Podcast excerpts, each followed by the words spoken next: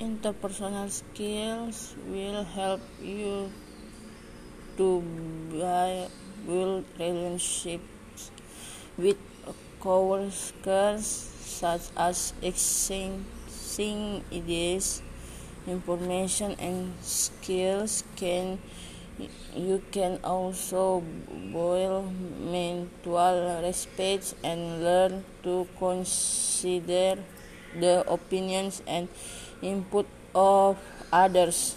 Openness will create trust, reduce customer problems, more opportunities, This active listening material. This skill will avoid disruptive behavior when it comes to talking to others to other people that the ability to work together in a team is invaluable in any workplace. Leadership in leadership is an interpersonal skill that enables you, you to make active decisions